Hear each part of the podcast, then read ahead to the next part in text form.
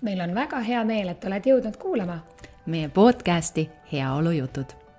mina olen Silja. ja mina olen Kristi. kutsume sind kuulama ja kaasa mõtlema. aitäh, et oled meiega. hästi läheb. tere. tere.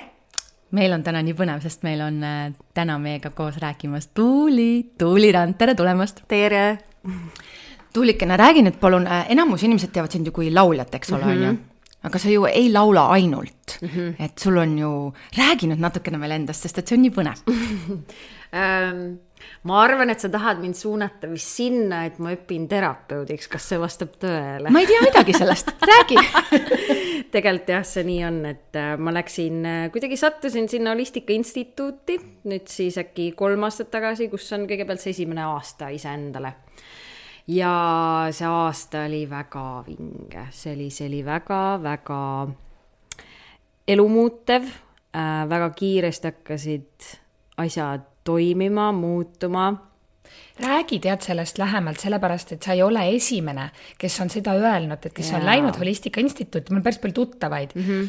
ja aga võib-olla mitte nii nagu lähedalt tuttavaid, et mm -hmm. siis ma ei ole, pole olnud aega küsida, et nüüd okay. mul on aega küsida sinu ah. käest, et räägi sellest aastast, mis te seal teete, et sest kõik ütlevad, et see on olnud nagu täiesti muutev kogemus yeah., et läbi mille see tuleb? see vist tuleb ikkagi läbi selle, et sa alustad nii-öelda juurtest pihta et äh, sõna otseses mõttes, et, et see õpe on üles ehitatud nii-öelda tšakrate süsteemile ja, ja hakkadki sealt äh, emakesest maast ja hakkad ka enda ema teemadega, kohe minnakse ikkagi teemadesse sisse. ja et, et kui sul ongi mingisugused, äh, näiteks oleneb, kuidas igal inimesel on oma suhe enda emaga, enda isaga ja et, et alustadki selle ema teemaga äh, ja sealt tuleb, sealt pimedusest nii-öelda, mida sa oled enda sisse peitnud, sealt tuleb igasugu huvitavaid asju välja, mida sa võib-olla ei olegi endale tunnistanud, ei olegi varem näinud. ja, ja igal inimesel ongi nii enda reis, äh, täpselt need neli moodulipäeva ja kellel on raskem moodul, kes nutab rohkem, kes vabastab rohkem, kellel ei ole väga midagi, kellel ongi väga hea suhe enda emaga, siis tal ongi nii-öelda see lihtsam moodul. aga, aga jah, et nii-öelda sealt hakkab kõik pihta ja siis läbi nende tšakrate süsteemi liigutakse kogu aeg ülespoole äh, igal tšakral on, on ju enda teemad, ma arvan, et enamus teavad sellest ka, kui ei tea, siis natuke võib-olla peab ise juurde lugema ja igastahes lõpetatakse siis siin üleval nii-öelda isa teemadega, et, äh, et see oli minu jaoks võib-olla kõige sellisem äh, valusam teema ja kogemus, sest just täpselt mm, natuke enne seda ma olin siis matnud enda isa, ehk siis äh, ja, ja üldse, et isaga suhted on olnud äh, kuidas ma ütlen, elus siis äh, üpriski keerulised aga samal ajal see armastus tema vastu on nii suur olnud, sest ta on ikkagi minu isa, ta on andnud mulle elu ja, ja väga palju sellist mõistmist äh, sain tegelikult sellel moodulil, et, et miks ta on olnud selline, nagu ta on olnud. et, et ma räägin, see, see mm, holistika aasta on üldse, ma arvan, et midagi sellist, äh, mida on raske sõnadesse panna, sest see on väga kogemuslik ja iga, igaühe kogemused on nii erinevad ja ma näen, nägin ka sel esimesel aastal, et osad ei tahtnudki endas minna sügavale ja see on ka okei okay., arvatavasti, kas ta ei ole valmis veel, aga mina läksin sinna tööd tegema, ma läksin kohe ikka väga suure nii-öelda eesmärgiga, et ma lähen sinna tööd tegema, ma tahan saada kergemaks, ma tahan lahendada oma asjad ära, ma ei, ma ei jaksa ja ma ei viitsi enam kanda seda mingeid koormaid nii-öelda. aga vaata, seal on mitu erinevat moodulit, eks mm, -hmm. et ähm, ma täitsa ausalt ütlen, et kust ma seda tean mm, -hmm. väga lihtsasti ma guugeldasin sind enne, kui ma siia tulin mm. -hmm ja siis ma jõudsin Holistika Instituudini, kus ma olen ka varem käinud mm. -hmm. aga ma nüüd kohe vaatasin, et äh, millised need erinevad asjad seal on, mida seal õppida saab mm. -hmm. ja see, millest sina praegu räägid, kas see pole mitte see esimene tase, aga sina õpid, eks ole, terapeudiks? nüüd ma jah, läksin edasi nii-öelda. mul oligi nagu see küsimus, et sa läksid sinna juba mõttega, et sa tahad minna õppida terapeudiks või tuli sul see nüüd läbi selle oma kogemuse, selle aasta, selle holistika aasta? Tead, kui ma mõtlen ikkagi tagasi, siis kohe see esimese aasta ring, et kõik pidid seal ikkagi tutvustama, kes sa oled, kust sa tuled ja mis ongi sinu eesmärk nii-öelda. Ja tegelikult, kui ma mõtlen tagasi sinna, ma ütlesin välja ikkagi valjusti seal kõikide ees, et ma tahan saada terapeudiks. Miks sa tahad saada terapeudiks, sest et ma kuulen päris paljudelt inimestelt seda. Mm, -hmm. aga mis see sinu soov on, miks sa terapeudiks tahad saada?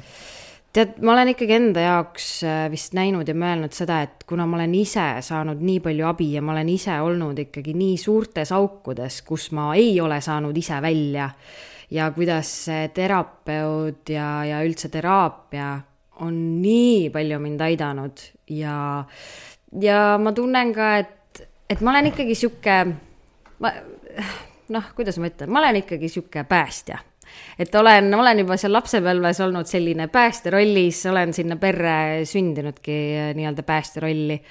ja arvatavasti see on ka natukene nii-öelda mõjutanud seda ja, ja ma arvan, et kõik need lapsepõlve kogemused on ka mind teinud väga empaatiliseks. ja ma arvan, et see empaatia on ka väga-väga suur osa äh, mis terapeudil peab olema, et sa pead mõistma seda inimest, ilma et sa annaksid talle hinnanguid ja nägema natukene kaugemale kui, kui nii-öelda sellele mingile asjale, mis see klient või inimene sulle parasjagu ütleb, et, et selle taga on alati midagi suuremat ja võib-olla, võib-olla on ka see mingi oskus, mis mulle on, on kuskilt, ma tunnen, et on antud. Ja, ja võib-olla ongi natukene ka see kuulamisoskus või et see ruumi loomine, ma aina rohkem tunnen, et, et ma suudan seda aina paremini teha ja, ja, ja tegelikult võib-olla ei olegi nii palju vaja, kui ongi, et sellel inimesel on lihtsalt vaja tunda turvalist ruumi, kus ta saab enda mõtteid nii väljendada ja ollagi täiesti üdini aus ja öelda välja need enda kõige tumedamad mõtted, mida ta ei ole kunagi varem saanud välja öelda et, et kui Moost saaks kunagi selline terapeut, siis ma juba tunnen, et ja, ja keegi tuleb ja, ja ta tunneb ennast väga turvaliselt minu ruumis ja, ja minu nii-öelda seal, et siis. vaata, sa ise tõid ka välja, et, et koolis ka, et kõik tegelikult ei ole ikkagi valmis, eks ju. ei olegi. Teil ju olemas need terapeudid, kes aitavad. kui suured teil grupid on seal? ma tahaks öelda, et meil on juba ikkagi ärakukkumisi ka olnud, nii-öelda juba esimesel aastal ikkagi oli, et äh, ongi, et vaata, teemad lähevad nii sügavaks ja osad inimesed kas ei ole valmis või sinna teele tekivadki mingisugused takistused ja et kas sellepärast ei jätkata või et ongi, asjad lähevadki nii valusaks ja inimene ei ole valmis lihtsalt neile otsa vaatama. Et kas sellepärast kukutakse ära või tuleb ka vahepeal elu nii-öelda ette, et kes saavad siin lapsi, kellel tulevad ikkagi, eks see kõik on ka valikute küsimus, kellel, kes just, väidavad, et tööd tuleb nii palju juurde mm, -hmm. et äh, igasugu variante on, aga. siin, siin on hästi hea see, et where is a will, there is a way. jah, täpselt, et, et mul on ikkagi see, et nüüd ma olengi terapeudi kursusel teisel aastal ja ma, ma ikka väga fänn on, mulle tõesti, tõesti meeldib ja, ja väga juba ootan ausalt öeldes, ma nüüd ongi vist äkki, ma tahaks öelda, uue aasta alguses saan hakata siis ka nii-öelda päris inimeste peal tegema, et praegu on meil selline enda nii-öelda kursuse siseselt oleme kõiki töid teinud, aga, aga väga, väga põnev on juba olnud, kasvõi see esimene aasta, ma mäletan väga, kuidas kohe meil esimesel eh, terapeudi moodulil visati kohe, et nii ja hakkame siis nüüd teraapiaid tegema üksteise peal, kõik olid nagu noh, veel täpselt, et tahaks õppida midagi. täpselt jah, et äkki peaks enne mingit infot või, aga ei, meid kohe visati külmas kohas vette ja ma tahaks öelda, et see oli kõige õigem otsus üldse.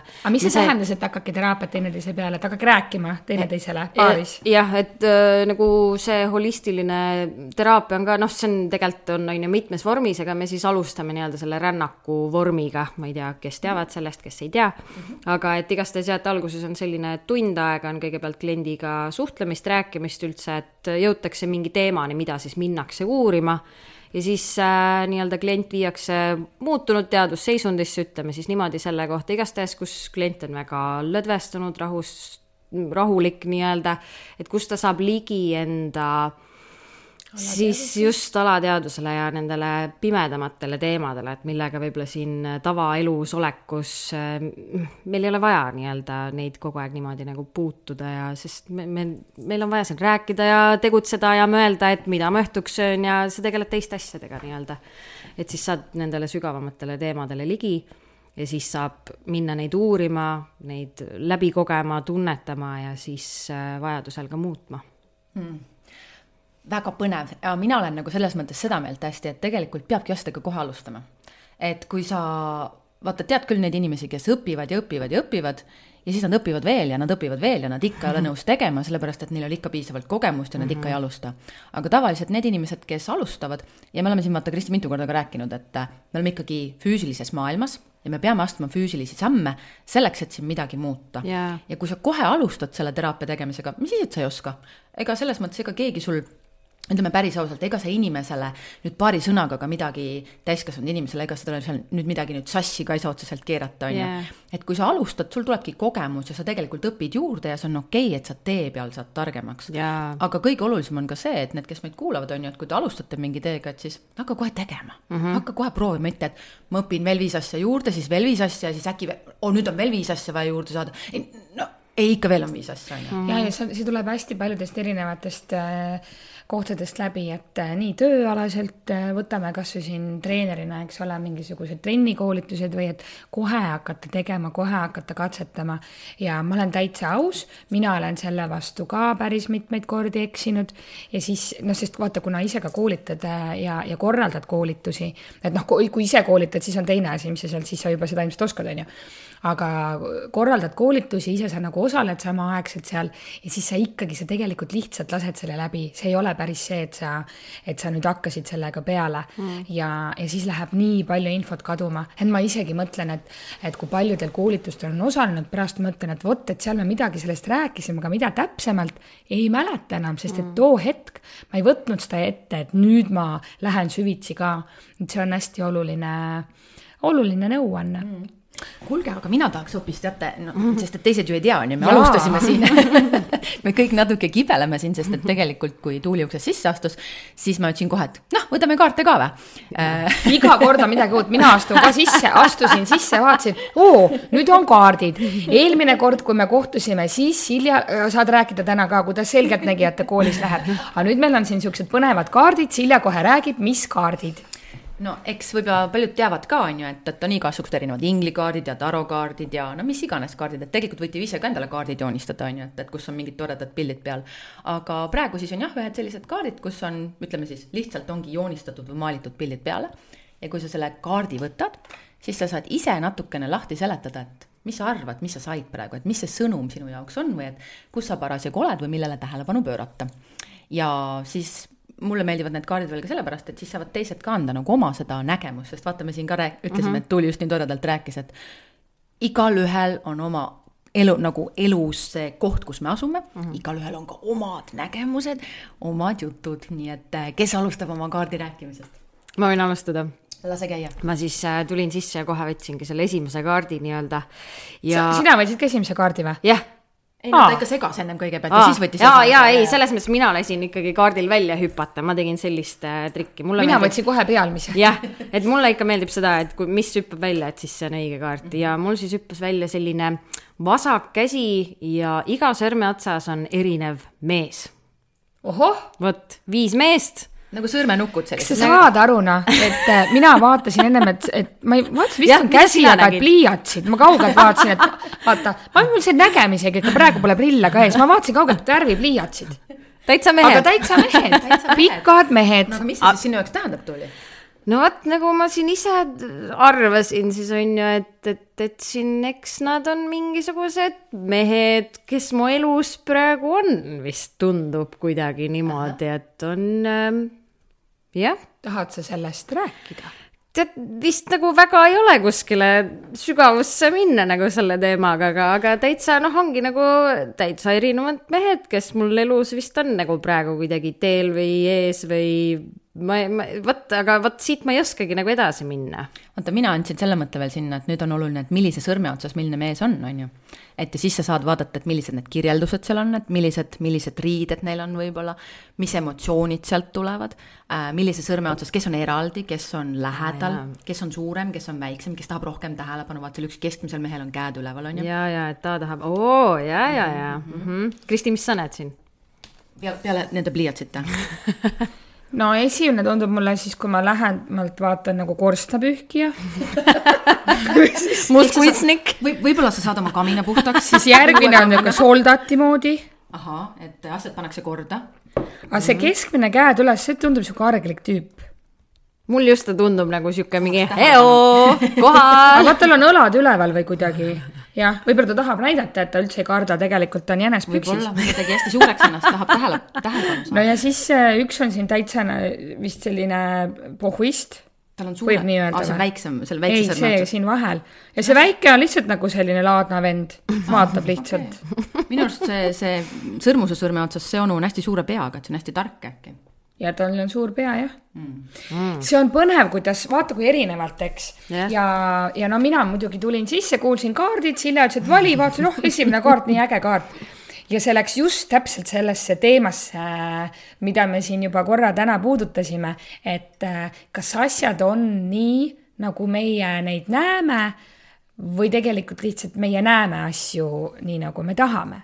et meile tundub, et asjad on nii, aga võib-olla päris täpselt nii ei ole. Ja siis mina vaatasin, et selline ilus sinine taevas, peegel ja kõik tundus, et vot, et näed, et läbi selle peegli on näha sellist ilusat säravat taevast ja tulevikku ja kõike head. ja siis ütles mulle Silja, et tema näeb seal hoopis sõrmust ja nüüd ma ise vaatan ka, et see on ja väga ühindumist, ühildumist. ühildumist, no vot ja mulle tundus, et mina vist abiellun. et kui, kui te kuulete, et, et äh, Kristi is getting married, siis te teate, et see tuli sellepärast, et see oli see kaart. aga täitsa sõrmus on jah, on ju täitsa nagu kihlasõrmus. täiesti sõrmus on. ja veel mees ja naine on mõlemal pool, ja see tundub, kõige ja vahepeal on loogilisem. sõrmus. Aga ma nägid algus peeglit?, alguses ma nägin peeglit ja sinist taevast, aga need lähevad kõik kokku. ja need lähevadki kõik kokku, see on väga hea. aga kui keegi nagu mõtleb, et miks me neid kaarte tegelikult võtame, siis äh, minu jaoks, ma lihtsalt seletan võib-olla, et minu mm -hmm. jaoks see kaardi võtmine on, on tegelikult sellise tähelepanu koondamine. et no nagu sa ise nägid, on ju, nägid peeglit, tulid selle mõttega, tõid mingi mõtte siia sisse, on ju, ja siis hakkad sellest, noh, või et sina, Tuuli, nägid, on ju neid mehi, on ju, et äh, kus meil parasjagu tähelepanu elus on mm -hmm. ja mis meie jaoks parasjagu oluline on, mida me otsime, mida me ootame, milliseid vastuseid me ootame, on ju mm.. et kõik see nagu, see kaart lihtsalt toob nagu rohkem selle asja esile. ja, ja, ja nii õige. Ja siis, kui ma praegu vaatan seda tuulikaarti ja niimoodi kaugeltki vaatan, mina näen seal täiesti, et värvipliiatsid ja kool, noh, õppimine mm.. aga mul ju praegu on ju endal, vaata, see õppimine on hästi päevakorral, eks mm -hmm. ma läksin jälle ülikooli. et mul see õppimine on hästi siin peas. täpselt mm -hmm. ongi see, et kus sul kuidagi, mis sul parasjagu seal elus on, on ju. aga selle peale ma mõtlesin ka, et võiks abielluda. näed, tuligi sõrmuse kaart. kohe võtsidki, noh, täpselt, väga teadlikult. küsi Ja ja, sa ja saad. sulle ant-, aa, sulle antakse. saad vastuse. ja, ja minul tuli siis selline ähm,, mm, siin on trepp ühel pool, siis on äh,, siin on müür ühel pool, siis on valgustus seal trepi lõpus ja siis on latern siin trepi ees ja siis on mõningad sellised varjud. Ja see oli põnev vaata, Tuuli ütles, et see on nüüd tume kaart. ja mulle tundus ka kaugelt, et oi, et väga sügav. aga ma ütlesin, et valgus paistab. ja, ja sa ütlesid, et valgus paistab, aga mina nägin, et on hästi hele kaart, et, et need val-, varjud, mis võib-olla on, et need saavad nagu valgustatud äh, ja teekond jätkub äh,. ehk siis selline äh,. Sa ütlesid midagi veel?? ma ei mäleta, mis ma sa ütlesin. ütlesid, et äkki peaks mingitele hirmudele kuskile otsa vaatama või midagi, Mingitele varjudele, varjudele Jah. otsa vaatama jah, Jaa. mitte hirmudele, varjudele. varjudele. Et aga eks see ongi see iga eks päev. meil jah, kõigil on need varjud, vaata, et, et mul vahepeal on küll tunne, et ega need varjud otsa ei saa, et siit ikka tuleb neid uksest ja aga aknast. mõtle, kui mõnus, sest et sa tegelikult inimesena ka kõnnid kogu aeg, sul on vari kaasas, absoluutselt. ja tegelikult sa muutud ikkagi ka ajas ja aastatega nii palju ja, sõltub, mis nurgast valgust peale näidatakse. ja. ja, ja tead, Tuuli, kui ma nüüd sind guugeldasin, no nii, mis ma siis sinu kohta veel, mis sealt sealt tulid välja? ma ei teagi. oled sa ennast ise, teate, et ma Ei annan ole. kõikidele sellise toreda mõtte. Guugeldage. vahel on tore iseennast guugeldada, siis sa näed, mis sealt välja tuleb. aa, väga põnev. aga sa räägi, mis Tuuli kohta tuli. Tuli väljagi see, et laulja oled, eks ole, ja, ja kõik selle kohta tuli ka. jaa, et see ikka tuli vaata. tuli, tuli, see tuli ikka esimesena ja just, et sa läksid õppima sinna Holistika Instituuti ka ja tuli kaks eh, sellist uudisnuppu nii sinu isa mm -hmm. kui sinu ema kohta. ema kohta, aa jaa, jah. Arvati ja nad mõlemad, eks ole, pigem siis noh, vaata, ärme anna hinnanguid, aga, aga pigem võib-olla siis noh, ikka ikkagi siuksed kuremat laadi äh, uudisnupud olid. Jah. ja vaata nüüd me rääkisime ka sellest Holistika Instituudist ja sellest, kuidas sa oled läinud hästi süvitsi sinna. Jah, minu küsimus tegelikult üürib sinna, et äh, eriti viimasel ajal olen püüdnud siin võib-olla natukene liiga häälekalt inimestele seda selgitada ja väljendada, aga et äh, meil vanemad väga palju mõjutavad lapse elu no, lapse käitumist. kuidas sa nüüd täna vaatad sellele otsa, siis kui sa oled nüüd saanud veel seal nii-öelda minna läbi iseenda nende kogemuste? oo oh jaa, kõik on seotud ikka keha on, keha on ikkagi suhteliselt esimene, mis meil alati ikkagi ju, oleme ausad, välja näitab. Mis, mis on hästi või mis on halvasti, et. aga sa ei saa, vaata, sa ei saa minna selles mõttes, sa ei saa muuta oma isa käitumist, sa ei saa muuta oma ema käitumist sa saad muidugi muuta oma suhtumist, eks, aga mingisugused asjad on meil vaata hästi sees, mida sa oled läbi elanud ja tihtipeale need ei ole olnud väga õiglased. kuidas sellega hakkama saada? Ma arvan, et, äh, et ega seal esimesel aastal nii-öelda koolis ka seda öeldakse ka uksest ja aknast kogu aeg, et ongi, et sa ei saa võtta kellegi teise elu eest vastutust. ja tihtipeale ma arvan, et eriti need päästjalapsed nii-öelda või siis üldse lapsed tahavad väga palju ikkagi võtta oma vanemate eest äh, vastutust nii-öelda et noh, kes ei tahaks ju, armastus on ju nii suur, sa siiski armastad teda, armastad ju enda vanemat ja, ja tahadki, et tal oleks parem ja üritad talle selgeks teha, et tee seda ja tee teist, aga no vaata ei võta nad ju seda infot vastu, et ikkagi, eks see on see, et inimene peab ise jõudma selleni, et, et jah, tõesti see, see lahtilaskmine on ikkagi kõige raskem äh, minu jaoks ka olnud selles mõttes ja, ja ma arvan, et lõpuni välja, kui ma kui mu isa ikkagi oli, oli seal nii-öelda noh, ütleme siis äh, seal vähiga haiglas, äh, aga vot ta ei olnud lõpuni välja, ta ei olnud valmis muutuma, ei, ei oma toitumise koha pealt, ta ei, ta ei näinudki nagu ei jõudnud temale seda, aga ema selle eest tegi kardinaalse pöördumise kohe, kui ta sai selle vähidiagnoosi ta muutis oma toitumist, suhkur välja, kohvi välja, nagu ta tegi otsuse enda peas, mina tahan elada. aga ma arvan, et mu isa ei teinud seda otsust, ma arvan, et mu isa oli väsinud elust ja, ja sellest noh, ongi, et ta nägi elu nagunii väga võib-olla mm, karmina ja raskena. Ja ma arvan, et ta oligi mõnes mõttes natukene nagu alla andnud aga juba see näitas minu jaoks, et ongi, et kuidas üks inimene teeb kardinaalse muutuse, kui ta ise tahab seda ja teine, äh, kui ta ei taha seda, siis ta ei tee ja ongi see, et mitte keegi teine ei saa tema eest vastutust võtta ja mitte keegi ei, ei ähm, noh, tal siis oli nii-öelda äh, maksavähk, et, et mitte keegi teine ei, ähm, ei pannud ta kehasse neid aineid või tooteid, mis selle nii-öelda tekitasid ikkagi. vaata, see on see on hea, et me sellel teemal räägime. sellepärast, et ilmselt sinul ema muutis ka muud kui ainult seda, et ta enam kohvi ei joonud või suhkrut ei söönud, eks, et, et äh, muutis oma mõtlemist. et ma olen tihti rääkinud sellest või ka mõelnud sellest ja väike, väikestes gruppides arutanud, et äh, mu uskumus on, et meie mõtted, ütleme, et vähkkasvajat on nagu hästi palju, eks, aga et, et need emotsioonid, need emotsioonid, mida me enda sees kanname, mida me mõtleme, et need tegelikult väljenduvadki selles. ja sina oled kahe lähedase inimesega seda kogenud mm. -hmm. kas sa, ma ei, ma ei taha öelda, kas sa oled minuga nõus, sest see ei ole ka selline, mis ma ütlen, et see on nii. aga tundub sulle, et, et selles jutus on iva? ma arvan küll, jah, et et äh, ma ongi, ma arvan, et mõlema puhul, äh, aga vaata, nende generatsiooni inimestel ma ei saa nagu seda kuidagi, äh, kuidagi ette ka heita või pahaks panna, et, et ma arvan, et tollel ajal ei räägitudki üldse nendest asjadest, isegi et mu ema, ma mäletan enda lapsepõlvest, kuidas ema luges luuleviilmat näiteks ja ja, ja isa võib-olla natukene nagu naeruvääristas seda, mingid sellised hetked tulevad mul meelde, et et tema ikkagi on mul kuidagi ka uskunud ikkagi mingeid asju ja, ja ongi, et ma arvan, et ta sai luuleviilmast väga palju tuge ja ja lohutust, et vaata midagi ju teda ikkagi tõmbas nende raamatute poole, et mul on siiamaani seal Saaremaal kodus täitsa kapsaks loetud, ma tahan öelda, et ma arvan, et tema on neid mitmeid kordi seal, seal lugenud ja et, et midagi seal ikkagi on. Ja, aga ta on hästi ka, ta on tegelikult nagu hästi tubli, et ta ikkagi ka vaatab mingitele asjadele otsa, aga eks tal on ka natukene nagu ma näen natukene ka seda mm, nagu hirmu või kartust kõigele veel täielikult otsa vaadata, et arvatavasti seal ongi väga valusad asjad ja, ja ma arvan, et sellel on ka vahe, et millal sa hakkad endaga tegelema, et kas sa hakkad, ongi kolmekümneaastaselt, kui sul on kolmkümmend aastat mingit nii-öelda jampsi külge tulnud, et hakkad siis juba vaikselt lahendama enda asju või sa oled viiskümmend, kuuskümmend ja sul on nii palju rohkem aastaid ja rohkem aga see on seda. hästi huvitav, et sina, Tuuli, ikkagi tegelikult päris noorena mm -hmm. jõudsid selleni, sest tavaliselt see juhtubki hiljem, et siis, kui me, vaata, on juba nagu nii valusaks läinud, et inimene hakkab otsima seda pääseteed või et noh, et äkki midagi on veel, eks, ja kõik ei olegi valmis. aga sa ikkagi kolmekümneaastaselt oled jõudnud juba sinna, sinna, kus sa tunned, et vot ma tahan saada terapeudiks mm. -hmm no ma arvan, et see ongi need mingid lapsepõlve nii-öelda kogemused, et äh,. tahad sa natukene lähemalt rääkida mõnest kogemusest, mitte seda, et ma tahaks urgitseda siin nüüd mingisuguseid vanu või musti asju, aga yeah. ma lihtsalt mõtlengi nagu inimeste jaoks tegelikult, kes meid kuulavad, on ju.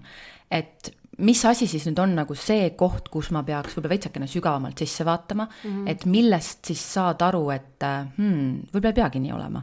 et äh, noh, tore on ju, et siin me räägime sinu kogemusest ja meie kogemusest ja võtame kaarte, aga tegelikult me ju tahame ka seda, et kes meid kuulavad mm, -hmm. nad saaksid mingi sellise lükke, et aa, näe, mul on ka sarnast midagi olnud, et võib-olla ma võiks midagi lähemalt vaadata või sellega tegeleda või et see ei olegi hirmus ja näe mm, -hmm. Tuuli on nii kaugele juba jõudnud, et nad saavad sellest tuge loodata. jah, sest yeah. üldjuhul meil kõigil midagi on absoluutselt, et seda ma näengi aina rohkem, et meil kõigil ongi enda taak, noh, see on ikka täiesti kindlalt, et ja meil kõigil on enda kogemused ja, ja ma arvan, et osadel ongi, et võib-olla kellel on Eh, võib-olla kergem lapsepõlv, ma vahest näen ka seda, et neil tuleb täiskasvanu eas nagu mingid suuremad eh, nii-öelda õppetunnid või asjad, aga noh, ma räägin, et ma arvan, et see on kuskil on, on see nagu on, on see kuskil kõrgemal paika pandud või, või kuidagi, aga vot millegipärast erinevad kogemused meil on ja. aga ma tahaks öelda, et ega üldiselt ähm, ähm, lapsena üles kasvades äh, tegelikult kõik ju oli nagu nüüd, kui ma eriti vaatan tagasi, et, et tegelikult oli ka nagu väga ilusaid hetki ja et, et väga huvitav on see, et sa hakkad aina rohkem ikkagi mäletama neid häid asju. et, et kuidagi need halvad ikkagi lähevad ära, aga jah, kui ma eh, kui ma hakkan mõtlema, et siis ja see kõik tundus ju lapsena ja kuni mingi vanuseni see kõik tunduski mu jaoks normaalne, see oli minu normaalsus, sest mina kasvasin sellises peres, sellises äh, olukorras. Äh, milline see pere ja olukord oli mm? -hmm kuhu ma nüüd jõuangi, on see, et äh, mu isa oli äh, ja ma arvan, et see toode või aine on väga paljudes Eesti peredes olnud, arvatavasti on siiamaani, ei saa üldistada muidugi, aga nii palju, kui ma olen enda sõpradega rääkinud ja nende lapsepõlvest, et siis ikkagi väga paljudel meesterahvastel just on see alkohol on ikkagi teema, et arvatavasti nii palju, kui ma ise tagasi mõtlen, et et, et ma arvan, et et pingetega lihtsalt ei osatud teistmoodi äh, lahendada ja nii-öelda seda stressi väljutada, et ei, ei nähtud ja, ja arvatavasti see oligi kõige lihtsam viis. et minna peale pikka tööpäeva, pikka töönädalat, kus ja mu isa oli ehitusvaldkonnas ka, oli projekti ja objektijuht, et ja kuidas ta, ma mäletan, kuidas ta tuli, ta siis käis Tallinnas tööl nii-öelda ja et iga nädalavahetus, kui ta koju tuli, ta oli ta oli nii stressis sellest, ma ei tea, kas see on mingi ka see Tallinna kiirus siin vahepeal ja aga igastahes jah, selle tööstressiga ta tuli sinna Saaremaale ja, ja eks ma siis juba pidin lapsena kasvatama endal sellised päris, päris korralikud tundlad, et pidin ära tunnetama, et millise tujuga siis nüüd täna koju tullakse nii-öelda. Ja eks ta tihtipeale tuligi selle nädala tööstressiga tuligi sinna ja ja siis see alkohol oli selles mõttes, aga, aga ta oligi kuidas ma ütlen nüüd tagasi vaadates, ta oli funktsioneeriv alkohoolik. et tal ei olnud selliseid nagu tsükleid, ma tahaks öelda, et ta alati jõudis tööle. et, et midagi ikkagi oli seal, ma arvan, et mingi kas hirm, mida teised arvavad temast äh, või et ikkagi iga hommik äh, ta oli tööl ja iga esmaspäeval ta oli Tallinnas, jah et selles mõttes ta oli väga kohusetundlik ja ma arvan, et see on ka nagu mul selles mõttes talt saadud, et ikkagi sihuke, et ei, ma lähen ja teen, kui ma olen lubaduse andnud, et siis ma ikkagi lähen ja teen ära, on ju et, et jah, selline funktsioneeriv alkoholism, ma tahaks öelda, et, et oli see, kus ma üles kasvasin ja ongi nooruses see tundus minu jaoks täiesti normaalne ja ma arvasin, et kõikides peredes on see nii ja et kõik isad ongi sellised ja kõik mehed ongi sellised ja see on normaalne ju. ehk siis sa oled kaassõltlane ähm,? Ma ei saa enda kohta seda võib-olla nii öelda, aga ma võib-olla saan oma ema kohta ema seda kohta. rohkem mm. võib-olla öelda. no lastel on vaata tegelikult, see on hästi huvitav fakt, mis nüüd välja tuleb, on ju, mis sa mm -hmm. ennem ütlesid ka, et lapsed pigem alati reedavad iseennast kui oma vanemaid mm. -hmm. ja ükskõik, kui palju me tööd teinud oleme, siis on alati pigem see, et, et meie ei ole, me, me näeme oma vanemaid selles kerges halos, on ju mm, -hmm. ehk siis, et nad on, nemad on ikkagi nii head ja nemad on kõik see, et noh, paratamatult olid sina, sina tegelikult ju ka selles perekonnas, et mm -hmm. vahet pole, et sa ei olnud paar oma isaga, aga aga sa oled laps ja siis sa tõenäoliselt olid sa ikkagi mingil määral ka see kaassõltlane. eks ikka jah, kindlasti. seal sees. no vot, et oligi et... üks niisugune, ma arvan, et pidev äh, päästmissoov oli alati mm. ja üritasid ju talle karjudes selgeks teha, et, et miks sa teed seda ja et et ma ei tea, et mine tee parem sporti ja et äh, eks seal oli igasugu nii-öelda olukordi lõpuks, et ma, ma ei saa öelda, et, et tegu oli füüsilise vägivallaga, aga võib-olla tegu oli sellise vaimse vägivallaga nagu rohkem, et, et, et ikkagi selle alkoholist peaga tuli, tuli väga palju seda viha välja ja, ja sellist äh, häälekat viha siis ütleme, et, et selline mm, ongi, et mitte füüsiline vägivald, aga, aga vaimne, ma tahaks öelda küll, et, äh, et, et sõnadega sai tehtud päris palju liiga. mis et... rolli su ema seal mängis? sa ennem alguses mainisid, et sa pidid hästi palju tegelema oma ema, ema liiniga mm. -hmm jaa, ja ma siiamaani just hiljuti tegin konstellatsiooni ja nii huvitav teema tuli sealt välja ja ongi, et see, see oli ka nii-öelda ema liini pidi, et, et see oli hästi huvitav, et kes, kes on võib-olla konstellatsioonist ka natuke kuulnud või lugenud, et siis uurige selle kohta ka, et et see on ka väga hea koht, kus vaadata just neid, neid liine, et tegelikult saada aru, et et see asi võib minna nii palju kaugemale ja, ja see teema, mis mul, mida ma uurisin nii-öelda, läkski mu vana-vanaemasse, et sealt sai kõik alguse ja kui huvitav ja, ja kuidas see vana-vanaema tekkis sinna pilti ja kuidas tema hakkas seal nii-öelda rollis nutma ja mina tundsin tema valu ja hakkasin samamoodi nutma, et ma, ma, ma tundsin, et me oleme kandnud sedasama nii-öelda valu või, või mingisugust äh, asja siin elus. mis see taak oli, mida te kandnud olete? Ma ei saa, ma ei saa. Okay., vot see on natuke liiga, aga jah, aga, aga vot, vot ega vahet ei ole nagu päeva lõpuks, et mis see on, aga pigem see emotsioon või tunne või et, et sa tundsid ära, et, et, et see on seesama, sama tunne nii-öelda, et mhm. isegi ju, et teda ei ole füüsiliselt siin, ma ei ole teda kunagi isegi näinud, aga, aga jah, et vot midagi, midagi on seal nii-öelda olnud või juhtunud, mis siis, mis siis on tegelikult lükanud selle naisliiniga nagu teistpidi upakile. ja ma nii ise soovitan, noh, kuigi tegelikult ma praegu ütlen, et ma olen sellest konstellatsiooniteraapiast äh, palju kuulnud, ei ole veel ise jõudnud ja nüüd ma siis hakkan teistele soovitama, onju.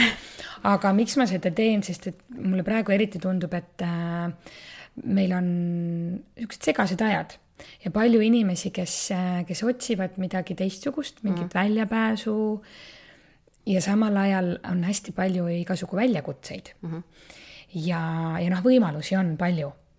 Äh, minu soovitus siin on küll, et kes nagu tunneb, et tal on mingeid asju, millega tegelikult äh, tegeleda ja meil paljudel on, eks, aga mm me alati ei ole valmis nendega tegelema mm. -hmm. et kes tunneb, et ta on valmis minema rohkem süvitsi, siis konstellatsiooniteraapia kindlasti on midagi sellist, mida võiks võtta ette, võib-olla isegi jätta mõni väljakutse tegemata aga, aga just seda proovida, et äh, ma olen ise kuulnud, et paljud on ja mul on, ma ütlen, see on sul to do listis on ju, aga nüüd ma teen selle kiiresti ära sest see tuligi, iga asi tulebki vaata õigel ajal mm, -hmm. see, et me täna siin sellest räägime. minu kuidagi arusaam või, või nii palju, kui ma olen enda pealt vaadanud või ma olengi nii palju erinevaid asju proovinud, vot täpselt see, et ma lähen proovin seda, ma lähen proovin teist, sest ega sa vahepeal ka kellegi teise jutust äh, sul ei pruugi sama kogemus olla. ja täpselt just, et igalühel ongi erinevad kogemused ja ongi see, et mulle meeldib see, et ma lähen, käin selle ühe juures ja vot, aga võib-olla mulle ei meeldinud tema juures, aga ma annan võib-olla vahest ka sellele nii-öelda teraapia vormile veel võimaluse, aga lähen kellegi teise juurde, vaata. et, et vahest on ka tegija, kas ei sobi või, või et näiteks konstellatsiooniga mul on sama, ma käisin viis aastat tagasi äh, nii-öelda Maire ja, ja selle Taskade juures äh, ja arvatavasti noh, ma olin ise ka siis väga-väga palju rohkem teises kohas ja kuskil pealiskihis võib-olla rohkem. et, et see, ei olnud pooltki nii sügavam, kui ma nüüd seekord tegin seda tööd ja, ja arvatavasti ka mulle nii-öelda see praegune tegija meeldis väga palju rohkem, sest ta oli kuidagi rahulikum, kogu see protsess oli nii palju kuidagi turvalisem. kus saab konstellatsiooniteraapiat teha? tead, mina tegin seekord äh, Kalmer Kask, ma tahaks öelda, on ta nimi, et äh, mulle ta väga-väga sobis ja meeldis, ta on selline nii rahulik, kõik, kõige rahulikum ja sennim mees, keda ma olen kunagi näinud, et äh, meil oligi, oli lihtsalt holistikas oli konstellatsioonipäev, mida siis tema nii-öelda koolitas ja ta üldse koolitab nii-öelda neid konstellööre välja ja, ja kuidagi ma tõesti tundsin juba koolis, et vot, see on see mees, vot see on see teema, millega ma tahan, see lihtsalt purskus must koolis välja niimoodi, et koolipäev oli juba lõppenud ja aga lihtsalt mingi emotsioon must purskus välja ja, ja Kalmer tegi minuga siis sellise lisa ekstra nii-öelda tunni või töö ja pluss siis läksin veel pärast seda veel lahendama nii-öelda sinna et, äh, et tõesti tema, temaga mina tundsin väga kontakti ja et, et just see, seda teemat mina tahan temaga teha ja, ja ta väga-väga aitas mul sellele otsa vaadata, aga jaa, et mis mu point on lihtsalt see, et erinevad äh, teraapiavormid, et minge proovige, sul ei ole mitte midagi kaotada, kui sa arvad, et see on rahakadu, see ei ole mitte kunagi rahakadu, see on investeering iseendasse. mina näen kõiki neid asju kui investeeringut iseendasse. ma ei ole ühestki kohast ära tulnud niimoodi, et ma tunnen, et ah oh,, see oli täielik raharaisk. ma päriselt ei ole seda mitte kunagi tundnud. ma olen ikka jälle saanud sealt mingi uue võtmekese, mingi uue teadmise, mingi, et noh, ei ole lihtsalt olemas seda, et, et päriselt mõtle sellest kui investeeringust iseendasse. Mm. ma olen sinuga sada protsenti nõus ja mulle meeldis ka see point, et sa ütlesid, et proovige erinevaid äh, terapeute, on ju. sest et see on natukene tegelikult nii nagu sõprade leidmine, on ju. et sa võid mõnega õudselt nagu läbi saada, aga teist ei saa lähedased sõbrad. ja terapeudiga on ka tegelikult see, et sa leiad selle õiged inimesed, samamoodi nagu treeneriga, on ju. jah, et, et kõik ei meeldi, võib õudselt hea treener olla, aga mm -hmm. no ei sobi sulle, mhm. on ju ja terapeudiga täpselt samamoodi, et see, kellega sa ikkagi tegelikult kohe ära tunned, et mm -hmm, yeah. siis see on see inimene, kes sulle sobib. ega teised halvad selle pärast ei ole, lihtsalt sulle ei sobi, nii et otsida on vaja. ja täna me just äh, ühe, ühe minu hea sõbra ja kolleegi Avega arutasime äh, või noh, mina nagu arutlesin veidi, oli selline teema, et ma ütlesin, tead, Ave, et ma vaatan, et äh, igasugu väljakutseid ja erinevaid nagu võimalusi ja trenne ja asju, et neid on nagu nii palju.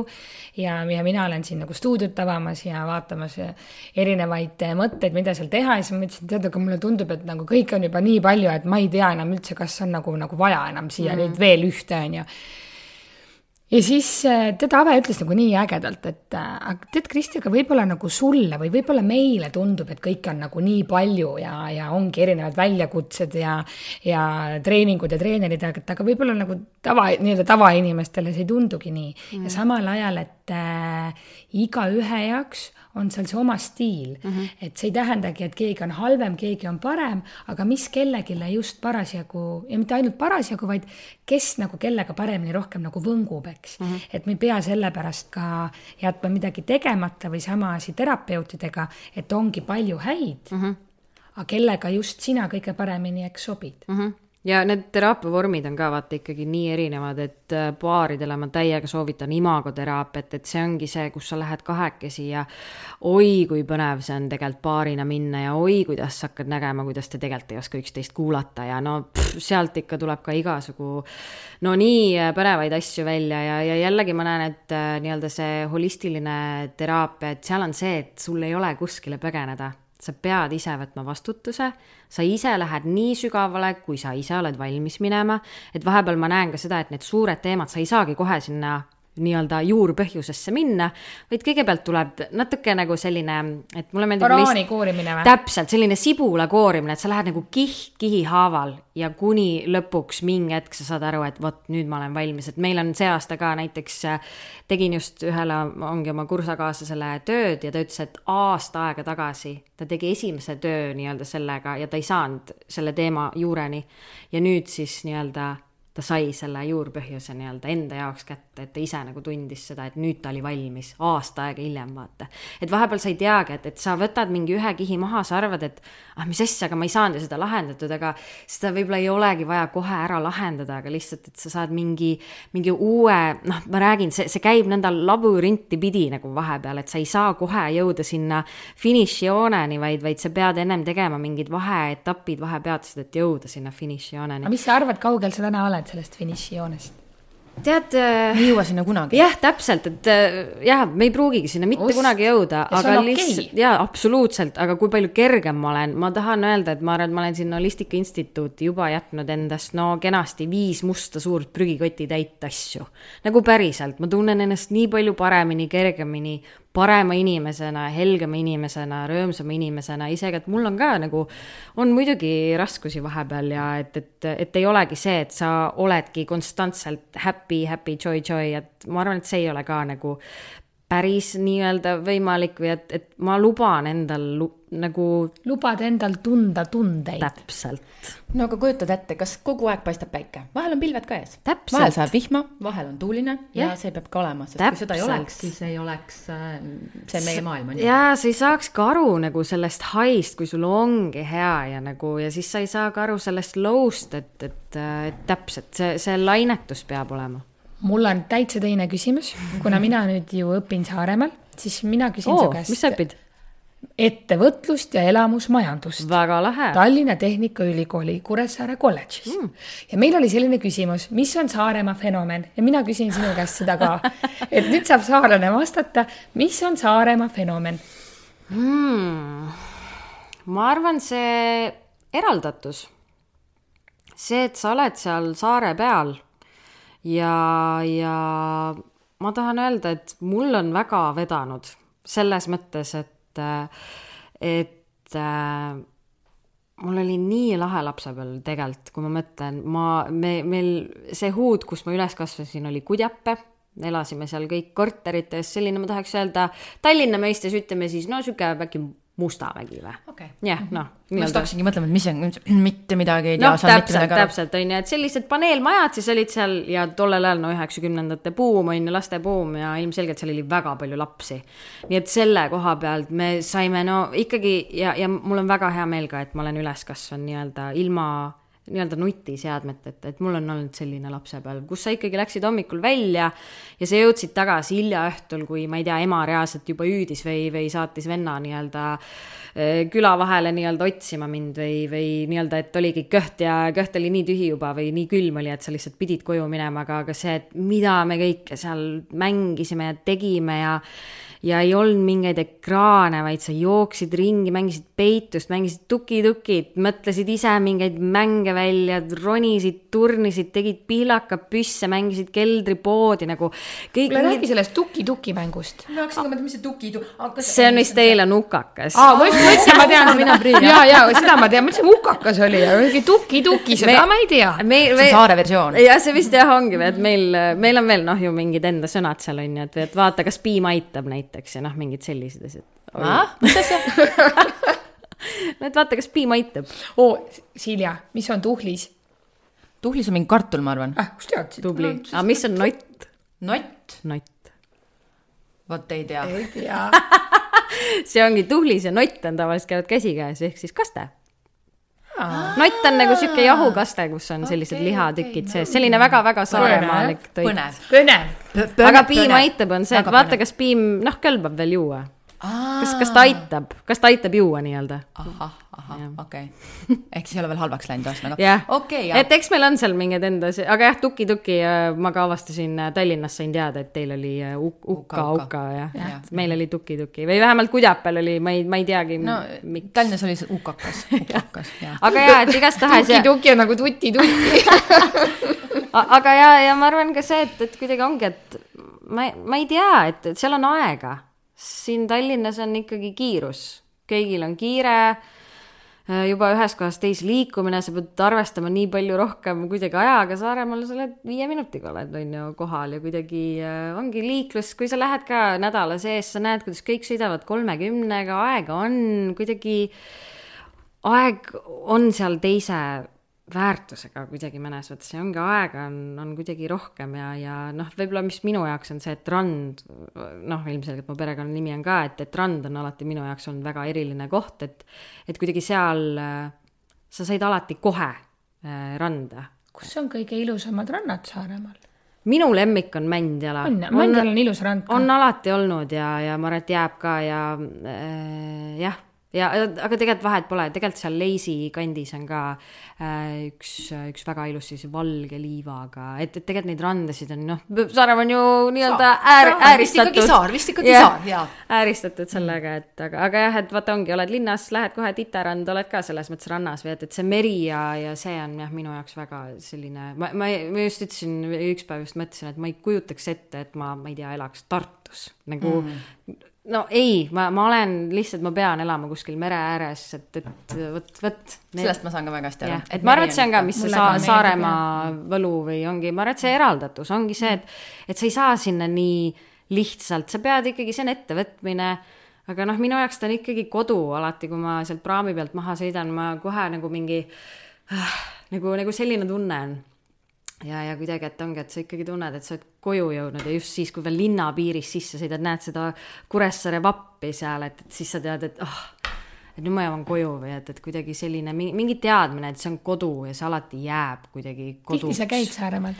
no nüüd on nagu pigem ikkagi vähem olnud, olen aus, et tegelikult tahaks seal rohkem ja tead, ma isegi ei välista, mida vanemaks ma saan, seda rohkem ma nagu mõtlen, et nagu minna tagasi, aga noh, natukene veel ma tunnen, et siin on vaja veel asju teha, aga kindlasti ma arvan, et mingi hetk ähm, ma arvan, et hakkab rohkem sellist jagamist olema, mul on millegipärast tunne, et eriti siis, kui lapsed on, et siis ma arvan, et see Saaremaa rahu ja vaikus tuleb väga palju rohkem pilti lahti, aga kus ma, ma arvan jah, et see tuleb selline kahe mandri peal elamine tegelikult millegipärast, mul on mingi sisetunne selline. aga jah, et, et ma arvan, et võib-olla seal Saaremaal ka, et, et tegelikult noh, suures pildis kunagi nii-öelda, mis ma olen enda peas välja mõelnud, et tahaks ikkagi seal ka nii-öelda neid teraapiaid kindlasti hakata tegema, et, et nii-öelda neid kodu, kodurahvast ka nii-öelda hakata aitama aitama nii palju, kui ma saan ja kes, kes tahavad nii-öelda, et et noh, ma näen ka lihtsalt vahepeal ka seda, et, et seal ei ole võib-olla nii palju kuidagi tegijaid või et, et võib-olla nii-öelda inimesed ei noh, et peavad muidu kogu aeg nii-öelda siia tulema neli tundi sõitma, neli tundi pärast tagasi, et kaheksa tundi transporti on ikkagi tegelikult no,. ühe teraapia jaoks päris palju. täpselt aga mina küsin Tuuli hoopis nüüd midagi muud no., äh, kuna meie, meie saate nimi on ju Heaolujutud, on ju mm, -hmm. siis räägi mulle, kui sa mõtled heaolu peale mm, -hmm. mis asi on heaolu sinu jaoks mm.? tead, ma olen, ma olen hästi kuidagi viimasel ajal selle peale mõelnud ja, ja minu jaoks on, on heaolu siis, kui ma saan teha seda tööd, mida ma armastan. päriselt, et ikkagi see, see töö või siis hobi ja eriti, kui sa saad need kaks liita või et, et see töö peab tekitama sinus hea tunde. ja, ja aitäh, koroona, et sa tulid ja näitasid mulle, et ma ikka täiega armastan enda tööd, et, et see koroona tuli ja võttis vaata tegelikult mult töö ära vahepeal. Äh, aga ma olingi, ma olin äh, nii-öelda enne koroonat ma olin, ma olin juba täitsa noh, sellise natuke läbipõlemise äärel, et nii palju oli esinemisi, meil oli õdedega nii palju tegemisi, kogu aeg olid rattas, rattas, rattas. ei võtavad seda puhkust ka, sest kogu aeg tulevad nii lahedad projektid peale, väga raske on ennast nagu ära võtta sellest. ja eriti, kui sa naudid ka vaata kõike seda, no ei saa, ei saa öelda ei mingile lahedale projektile või esinemisele ja, ja siis tuligi koroona ja muidugi noh, mul küll tuli see natukene leinaga, see ei ole küll koroonaga seotud, aga, aga nii-öelda seal aprillikuus äh, isa lahkus, et, et, et noh, kuidas ma siis ütlen, et ta oli igatepidi minu ellu nagu ma, ma oleks selle ise tellinud, et ma sain, ma sain oma leina elada, ma ei oleks kujutanud ettegi, et ma olin, ma olin ikkagi väga suures nii-öelda augus selle leinaga ja, ja et, et ma ei oleks ette kujutanudki, et ma oleks pidanud lavale minema või esinema nii-öelda tollel, tollel ajal, tollel hetkel, tolles kohas. aga selle aasta ajaga, kui sa tegelikult ei saa teha, mida sa kõige rohkem armastad, oi, kuidas sa hakkad nagu igatsema seda ja sa hakkadki tundma, et midagi on puudu, vot nagu, vot siis sa hakkad tundma, et sa oled õnnetu, nagu et see on see, mis su hinge tegelikult laulma paneb minu jaoks, see on minu jaoks see, mis paneb minu hinge laulma, et ma arvan, et iga inimene tegelikult peab leidma enda jaoks selle enda, enda asja, mis temal hinge ja tegelikult see raha on nii mõnes mõttes teisejärguline, et ja seda ma näen ka enda isas, et ta tegi tööd, mis, mis tegelikult tekitas tast nii palju stressi ja ma tõesti ei näe, et elu on tegelikult noh, nii lühike, et, et, et miks kulutada enda keha töö peale, mida sa tegelikult ei naudi ja mis tekitab sinus nii palju stressi et tegelikult variante on nii palju, mida elus teha, eriti tänasel päeval, lihtsalt leia, tee erinevaid asju, katseta, mida iganes, sa saad tegelikult täiesti uusi asju välja mõelda, ole siis eraettevõtja, no mida iganes selles inimesed mõttes. kardavad võtta seda vastutust ja nad kardavadki seda homset, et aga mis see toob või, või noh, vaata ja eriti meesterahvad. ma kujutan ette, ma saan aru sellest kõigest, tõesti saan. teate, mina ütlen siia vahele ühe naljaka mõtte, ma olen seda alati mõelnud inimesed kardavad teadmatust, on ju mm, -hmm. me kõik tahame, et meil oleks kogu aeg teadmine, me tahame kontrolli, aga samas iga õhtu me läheme magama ja sageli paneme telef- äh,, telefoni või äratuskella helisema homseks. me kunagi ei tea, kas me homme päeval üles ärkame. me teeme plaane ilma teadmata, kas homne päev üldse tuleb. Et meil on kuskil ju tegelikult sees usk, et asjad tulevad, aga samas siis, kui midagi muutub, siis me ei julge võtta seda vastutust ja seda ütleme siis nagu otsust, et me teeme midagi enda unistuste suunas, ent mm. samas me iga päev usume millessegi, millele meil ei ole öeldud, et tuleb mm. -hmm. et äh, kuid-, kuidas me nii nagu kahtepidi oleme, et ühest küljest me täiesti nagu blindly, pimedalt usume, et homne tuleb mm.. Sest me ei ole, kuskil ei ole garanteeritud, et homne tuleb, on ju mm. -mm. aga samas me ei astu samme oma unistuste poole, mida me tegelikult nii väga tahame mm.. seletage mulle palun. mina võtaks selle kokkuvõtte niimoodi, et äh, lihtsalt äh, kõik inimesed ei unistagi, neil ei olegi neid asju, et kui sa küsid, et aga mida sa veel tahaksid või millest sa unistad, siis ma ei tea. no aga tahaks uut käekotti või uut autot või uut äh,, uut mm, ma ei tea, teist veinipudelit või noh, teist kleiti või teisi aga siis või... vist äkki tulebki mingi hirm vaata ette, et ongi see, et aga kui ma nii-öelda tavatööl ei käi ja seda nii-öelda palka ei saa, et, et kuidas ja, ma siis saan ja, ja siis on, ütleme ka siin see, et noh, kui ma kasvõi enda peale mõtlen, mulle ju väga meeldib, ma ei tea, oled siin ettevõtlik ja võtame uue projekti ja jälle mõtleme midagi uut välja ja see tundub ju tegelikult äge, lihtne, kõik on väga lahe.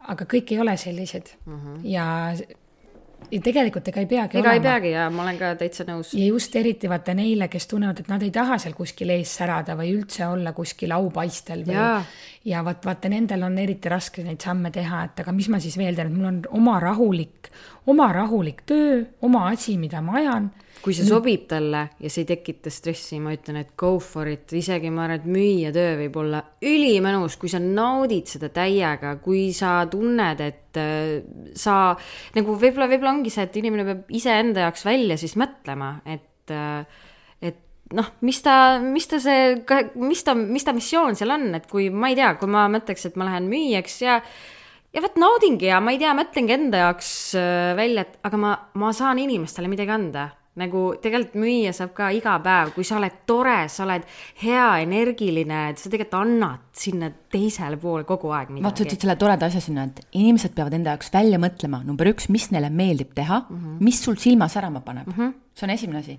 ja teiseks, kui sa võtad selle töö või tegemise, mis sa selles saad siis nagu endale ja teistele pakkuda mm. -hmm. aga nüüd küsimus ongi see, et kas me lihtsalt oleme saanud mingi töökoha, vaata, et noh, sageli juhtub nii, et noh, tuli üks töökoht, siis, siis sind nagu viidi mhm. järgmisele mm -hmm. töökohale, siis nagu see kõik jooksis, on ju. et millal sa viimati tegelikult nagu tegid selle paus mm., mis mulle tegelikult meeldib? ma arvan, et tihtipeale inimesed ei teegi seda. ja muidugi, eks siin on veel see aspekt, et äh, tihtipeale asju tehakse selle jaoks, sest et nii peab mm. -hmm. Need on mingisugused ühiskonna ootused, perekonna ootused, kellegi teise ootused, mida peab siis teostama mm. ja siis või üks hetk sa vaatad, et aga mis ma ise tegelikult tahan, eks. või me tegelikult isegi ma ütlen, et ma täna kellegagi arutlesin just sellel teemal. tead, ma olen ise ka vahepeal mõelnud, et noh, mul veel lapsi ei ole, et võib-olla ma sellepärast ka veel julgen niimoodi siin noh, kuidas ma ütlen, teha mingeid asju, aga võib-olla tõesti, kui lapsed tulevad võib-olla ma mõtlen täiesti teistmoodi ja see on ka, ma arvan, et okay. ei, see ei pruugi, minul on kaks last, see ei pruugi üldse nii olla, et sa siis mõtled täiesti teistmoodi aga.... võib-olla just see annab hoogu, ma olen näinud ka väga palju, et kes saavad lapsed no neil nagu tuleb täiesti uus energia, et mis on ka minu jaoks nagu väga see, et lahe, et see annab mulle teistmoodi sellist kindlustunnet ja teadmist, et mul on ka, ma ikkagi vahepeal tunnen, et kuidas ma ütlen, sihukest ühiskondlikku survet juba vaikselt. et vot kellaaeg tiksub tut-tut-tut-tut, on ju. ja, ja ka see, et äh, nagu peaks selle lapse saama ja, ja kuidagi. no kuule, viis meest ju jah, endal oli viis meest pildil. vali üks ja võta, on ju. aga, aga ongi, et ma ise tahan olla väga-väga kindel, et nii-öelda see valik, mille ma teen, et ta on õige. aa, tead, vaata, siin, see on ohukoht sa ei saa kunagi ikkagi olla nagu päris, vaata, sa ütlesid, väga-väga tahan olla kindel, on ju. Mhm. ega sa sada protsenti ei saa kunagi olla kindel ja see, siin võib tulla sellised lapsepõlveteemad veitsa ka, et me tahaks ju jälle seal pakkuda midagi teistmoodi, mida me ise kogesime. no vot et sest... eks siin, eks siin ongi, näe, valikut on ja eks no,, eks võt, nad kõik võt, siin võt, natukene võt. näitavad mulle aga midagi. see väga-väga kindel, eks me kunagi ei ole, tead, tead, kõik võib juhtuda, me võimegi vaadata, et, et see oli nii kindel variant ja siis asjad lähevad hoopis nagu teistmoodi no,, eks. kunagi ei tea, on ju. aga mina näiteks jälle täna vaatan ka, et äh, olles kahe lapse ema, täna kusjuures mul on pojal sünnipäev, saab kolmteist. palju õnne! aitäh! et kolmteist ja seitse ja ka, ja ka neid vaadates nüüd, kuidas mina olen täna, kuidas ma olen olnud, ma ei tea, eile-üleeile, eks, et äh, see on hästi erinev mm. -hmm. praegu ma näiteks tunnen etappi, et äh, laps on esimeses klassis ja hommikul viid, siis lähed päeval järgi, siis on vaja viia tegelikult ju trenni, siis nagu trenni järgi. et äh, ei jõuagi väga palju muid asju teha mm. -hmm. ja see natukene on nagu selline, kuidas ma siis ütlen ausalt, see on natukene häiriv mm. -hmm. Selle, ütle ausalt. sellepärast, et eh, nüüd nagu neid eh, muudeks asjadeks jääb jälle mm -hmm. natuke ju vähem aega, aga mis on huvitav mulle endale. aga kuidas sa isegi peaksid tööle jõudma, ma nagu lihtsalt mõtlen, et ma kui sa käiksid veel üheksast viieni tööl. ja no vaata, ma siis olengi, no ma, Silla juba siin teab, eks, ja siis siin kuulajad, kes on rohkem kuulanud ka, et eks ma siis olengi ära tulnud nendest kohtadest, kust mm -hmm. ma olen pidanud üheksast viieni olema, et mm -hmm. aru saanud, et mulle ikka see nagu üldse ei sobi mm. -hmm. aga ei jõuaks ka mm. -hmm. ja vaata, siis ongi see, et, et mina olen lihtsalt täna võtnud niimoodi, et okei okay,, ma vaatan, mis saab mul on praegu selline kaaslane, kes, kes mulle siis äh, on öelnud, et ta on nagu toeks ja võimaldab sellist varianti. aga loomulikult see tekitab stressi, kui sul ei ole sellist võimalust mm. -hmm. ja, ja siis on need kõik asjad kokku, on ju, siis sa oledki orav ratta peal. ja noh, ma tegelikult olengi mm -hmm., noh, jah. no see on ju ka pikem jutt, on ju. niisugune pikem jutt. selles mõttes ma ei ela lihtsalt laste isaga koos mm -hmm. juba ammu aga vot sellised väikesed asjad seal eraelus tekitavadki meile seda stressi, siis sealt hakkabki see pall veerema, eks mm -hmm. sul võib olla töö juures kõik hästi, sa teed seda, mis sa tahad mm, -hmm. aga vot sul on vaja ühele minna järgi, teist viia trenni, siis noh, võib-olla midagi kaasaga kuskil juhtus või midagi töö juures oli ka, võib-olla ka samas on see kõik hästi, sa tunned lõpuks, et appi ma trenni ei jõua, kaalu tuleb aina juurde.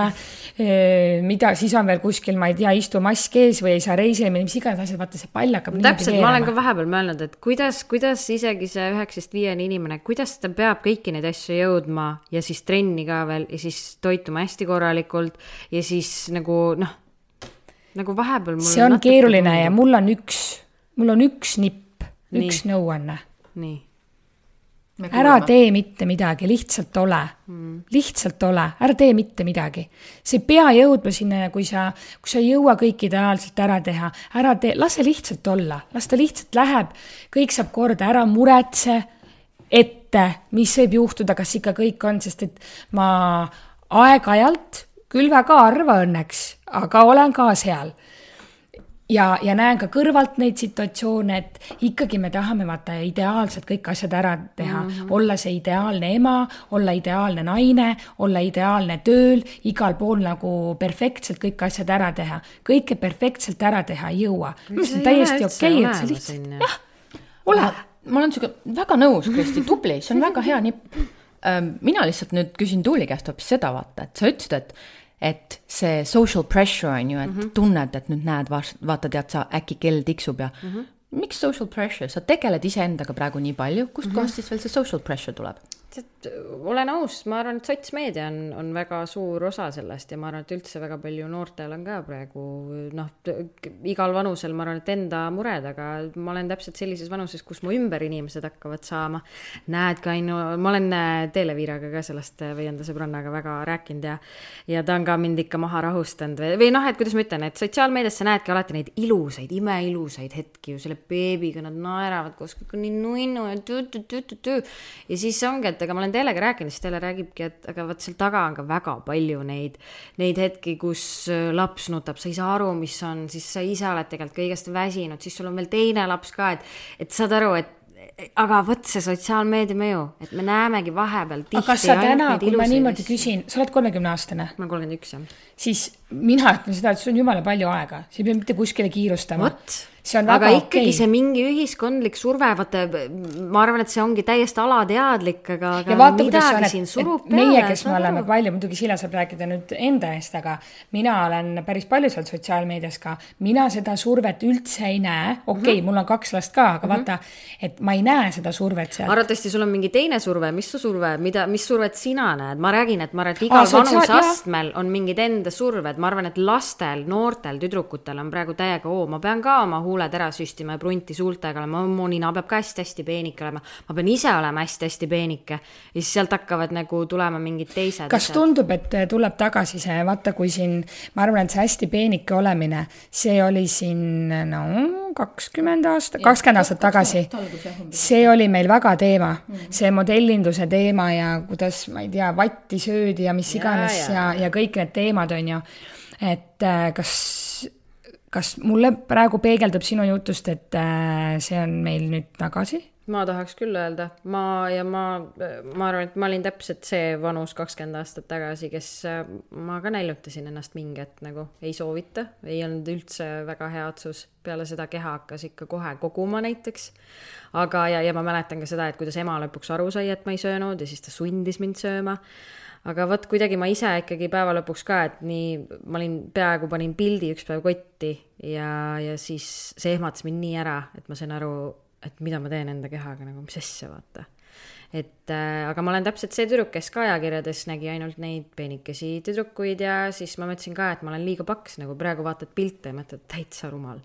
aga või siis äkki keegi ütles mulle mingisuguse lause, et, äh, et eks ma olen terve elu olnud, ma ei tea, nagu noh, päris sihuke piitspeenik ei ole, aga praegu ma ikka täiega naudin selles mõttes seda ja ma ei tunne, aga aga neid lauseid on ka selles nii-öelda elus olnud, kus ikkagi kellegi jaoks ongi, oled vähe korpulentsem ja aga no see ei ole õige, vaata. ja, ja ma arvan, et tänapäeva noortel on ikka noh, et, et natukene tuleb ka neid, kes ongi nii-öelda näitavad just seda kehavorme ja, ja täiega naudivad ja hindavad seda, aga ma arvan, et väga palju ongi neid ka väga-väga peenikesi ja siis võib-olla noored tunnevad ka natukene. vaata, ei ole üldse, sellega pole praegu, mina ütlen küll, et ma ei tea, kuidas Silla sina, aga ma ei ole selle, sellest aspektist ei ole osanud praegust üldse näha, et see on mulle isegi selline negatiivne üllatus ma tahtsin hoopis küsida seda, et kas sina täna ise tunned, et sa tahaksid praegu saada emaks?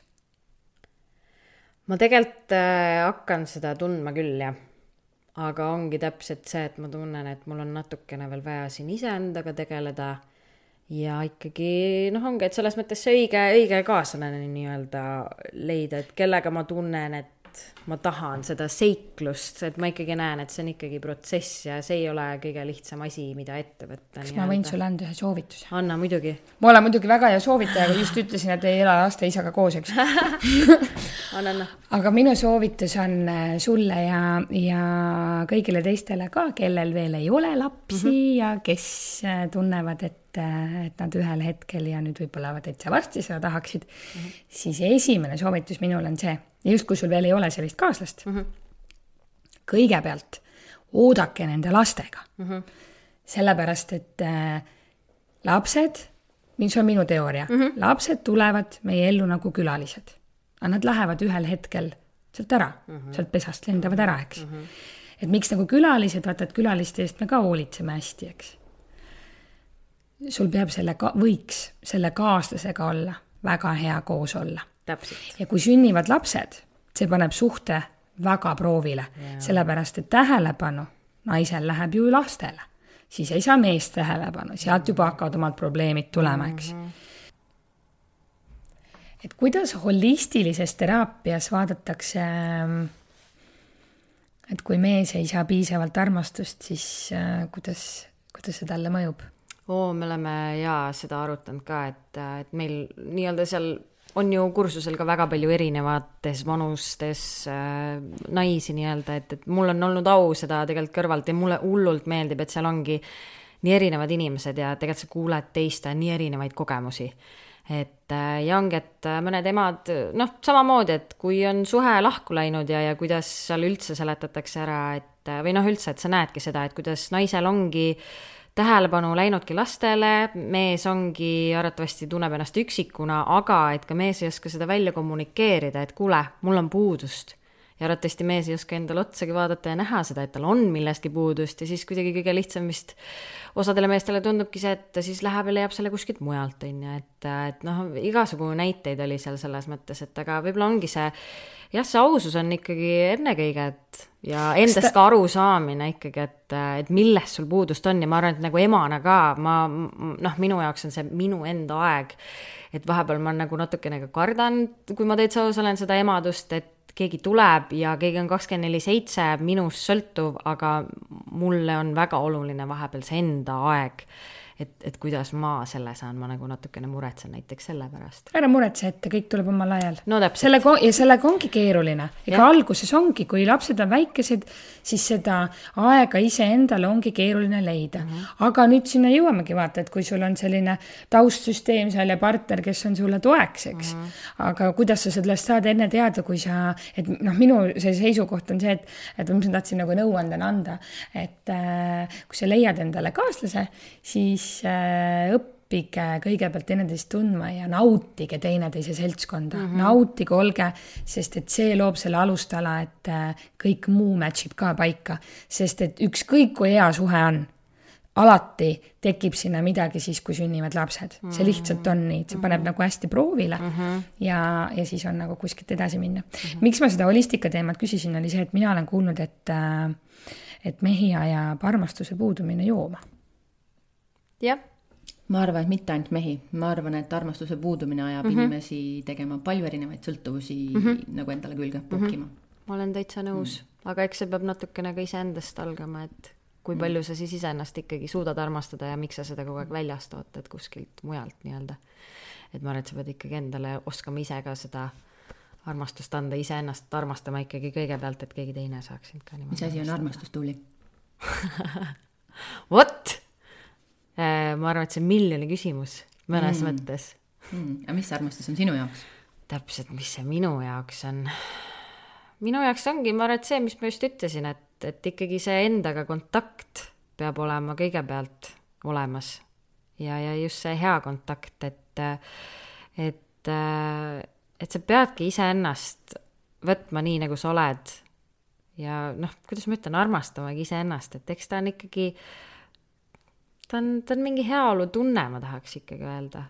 aga, aga vahepeal võib-olla inimesed ajavad sellega armastuse tunde mm, mingi kirega natuke sassi või mingi seiklusega või, või mingite natuke võib-olla teiste tunnetega nii-öelda. et võib-olla see armastus on just pigem see mingi rahulikkus, rahulolu vahepeal mm. minu jaoks. ja võib-olla ta ka muutub hetkes. absoluutselt. mulle tuli praegu siit sellega selline mõte, et äh, armastus on natuke nagu päike mm. -hmm. et ta on kogu aeg olemas ja sa teda kogu aeg ei pruugi isegi näha, ent sa tead tegelikult, et ta on kogu aeg olemas mm. -hmm. ma arvan, et see on väga ilus, võtab küll, ma arvan, et, et väga ilusasti selle kokku. ja ma arvan, et ongi see, et sa, sa ei saagi, sa ei, see on ju tunne, vaata, sa ei saa seda katsuda, ta ei ole, ta ei ole füüsiliselt olemas ju tegelikult no ja ongi täpselt see, et mis see on siis, seleta nüüd mulle seda, et mis see on, kus see asub su kehas, näita mulle, mis värvi ta on. Aga vaata, on nagu päike annab energiat, annab jõudu, me teda katsuda ei saa, aga ilma temata elada ei saa. ma arvan, et armastusega natuke samamoodi. et võtame siis selle podcast'i täna kolme sõnaga kokku. sõrmus, viis meest ja varjud no see oli veits rohkem sõnu kui kolm, aga mulle meeldisid. mehed sõrmusvarjud. mehed sõrmusvarjud, sobib hästi. Tuuli, suur aitäh, et sa meiega rääkima tulid ja äh, me loodame, et äh, kõik, kes meid kuulasid, neil oli ka sama põnev kui meil. aitäh veel kord. aitäh. tšau.